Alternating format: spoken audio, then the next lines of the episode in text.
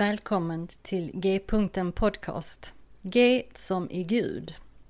Jag heter Monica Albin och detta är en podcast för oss som är på en resa i tro och liv, i andlighet och allt som har med Gud att göra. Vad nu Gud betyder för oss. En öppen atmosfär där inga frågor och funderingar är dumma och där vi tillsammans ska få vidga vyerna. G-punkten betyder att Gud är mittpunkten, i centrum av samtalen och genomsyrar allt och alla. Och därifrån är vägarna öppna att fortsätta framåt och utforska nya vyer. Samtala de stora frågorna på ett vardagligt sätt hoppas jag att podcasten ska kunna erbjuda. Tack för att du vill vara med på den här resan. Så välkommen på resan mot G-punkten.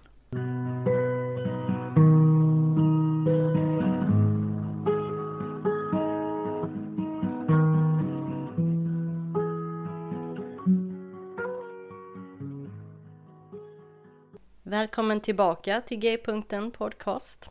Dagens avsnitt är ett sådant där jag inte har någon gäst som jag pratar med utan jag själv kommer att dela lite tankar. Men innan jag gör det så har jag en uppmaning. Jag söker efter nya gäster till min podcast. Om du finns där ute som har en berättelse om din resa i tro och liv och gärna skulle vilja dela med dig av den så skulle jag bli jätteglad om du ville kontakta mig.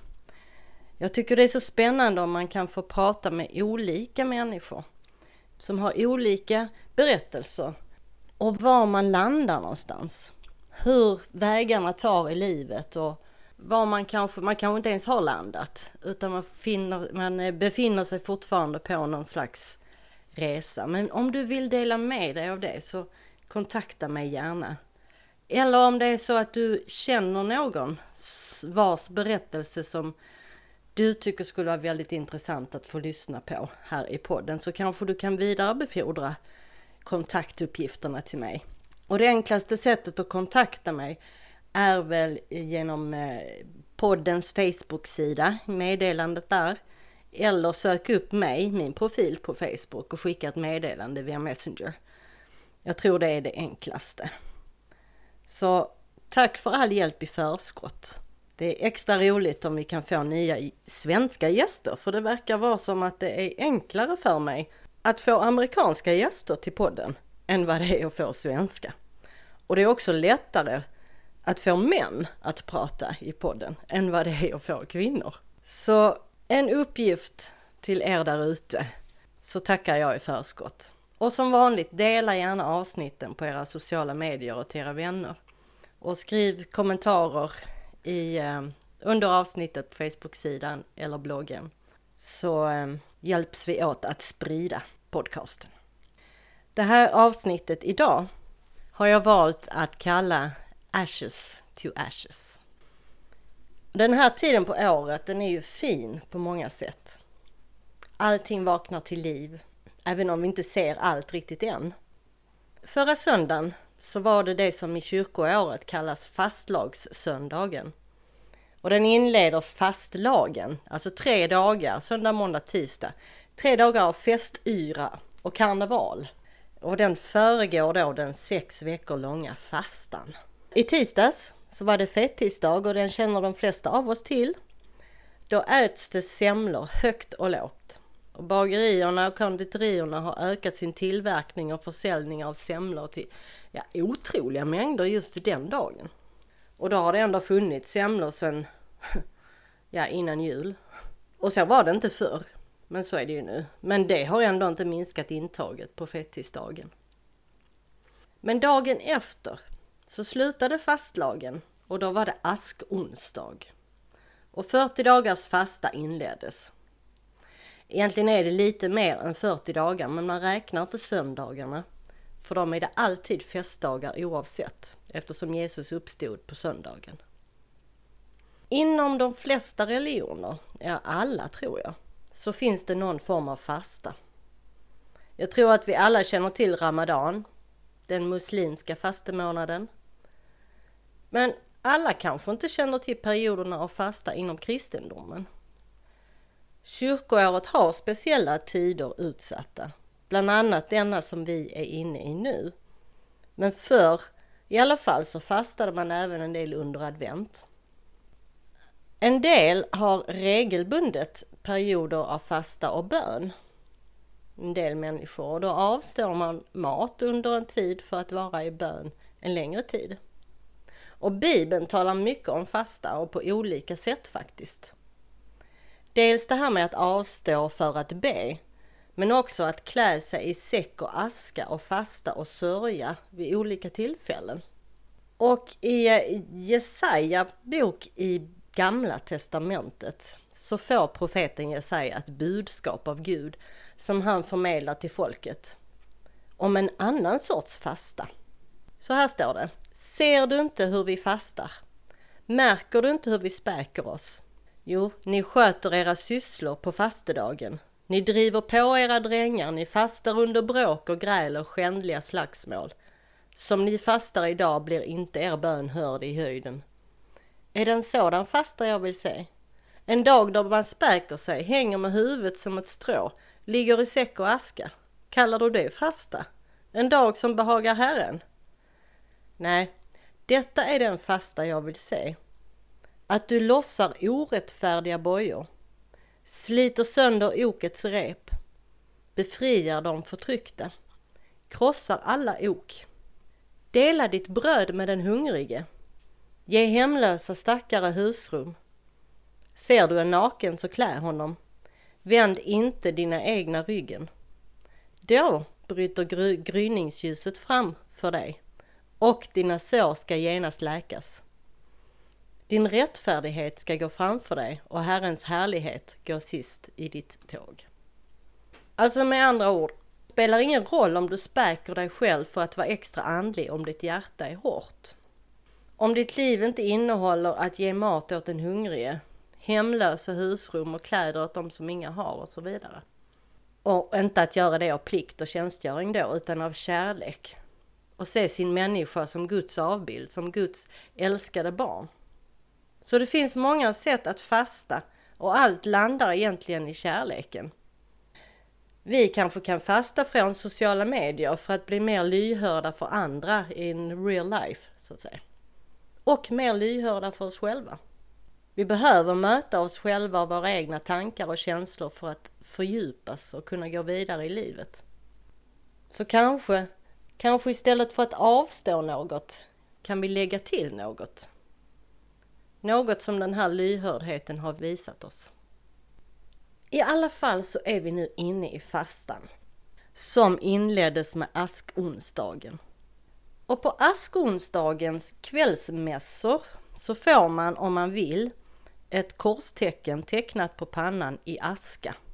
Och man får höra orden Kom ihåg, o människa, att du är stoft och att du åter ska bli till stoft. Omvänd dig och tro evangelium. Alltså inte ta dig i kragen och skärp dig. Utan glöm inte att även du är dödlig. Och den goda nyheten är att Gud älskar dig och överger dig aldrig. Varken i liv eller död. Men det här med aska. Alltså det är faktiskt väldigt fascinerande. Dels påminner den oss om vår egen dödlighet. Men också om den oerhörda kraft som skapar liv som finns i det fördolda. Det finns en vulkan i USA i staten Washington och i slutet av mars 1980 så markerades ett antal jordskalv inuti Mount St. Helens. Vulkanen höll på att vakna upp efter att ha varit vilande i 123 år. De ständigt pågående skalven mätte upp till fyra på Richterskalan. Så geologerna konstaterade att ett stort tryck byggdes upp inne i den vackra, vackra koniska vulkanen. Det märktes genom att en fullt synbar utbuktning gav sig till känna på den norra sidan av berget. Ett stort säkerhetsområde utrymdes runt vulkanen i början av maj. Och den 18 maj 1980 så exploderar vulkanen. Den blev ungefär 150 meter lägre när den väldiga sidan av vulkanen störtade samman. Och sen när trycket minskade inträffade två explosioner samtidigt som bildade en väldig tryckvåg. Och tryckvågen skövlade skog inom 25 kilometers radie från kratern. Och massor, massor av aska täckte marken. Vetenskapsmännen trodde att det skulle ta en generation innan det blev någon växtlighet där. Men det som hände de närmaste åren var anmärkningsvärt. Den hastighet som växtligheten hade var en total överraskning.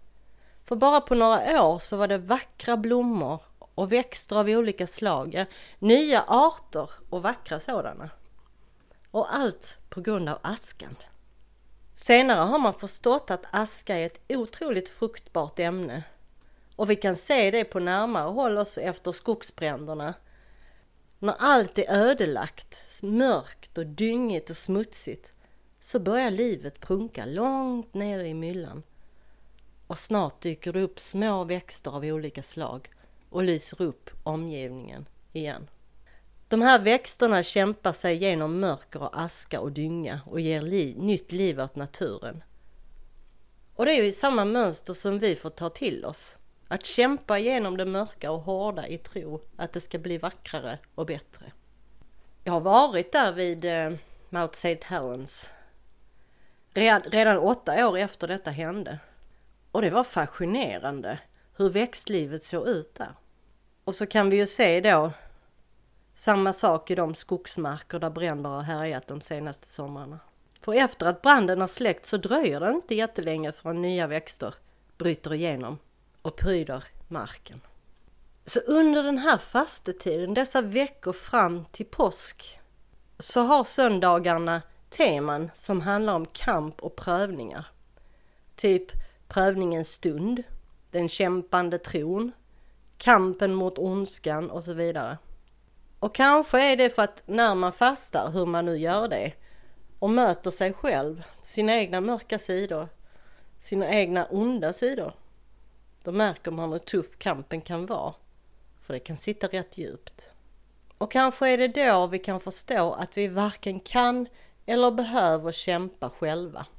Det är då vi kan få uppleva att Jesus redan har kämpat den kampen och tagit med allt det mörka och onda ner i döden och förvandlat den till något vackert. För det är så som korset och kärleken hör samman. Vi får stanna kvar i smärtan, men vi behöver inte stanna kvar i kampen. Vi behöver inte kämpa emot, utan få lov att ta emot det nya och vackra och leva ut det. En kärleksfull handling i taget. Så må den här fastetiden för dig bli en tid av reflektion, kärlek, ödmjukhet och kreativitet den kreativitet som Gud lagt ner i dig. Och jag vill avsluta med en bön som är skriven av före detta ärkebiskop KG Hammar. Gud välsigna vår fastetid och hjälp oss att se den som en påminnelse om din kärleksväg mitt i livet. Befria oss från självupptagenhet så att vi ser dig och din kärlek mitt ibland oss och ser vår medmänniskas behov av denna kärlek genom oss.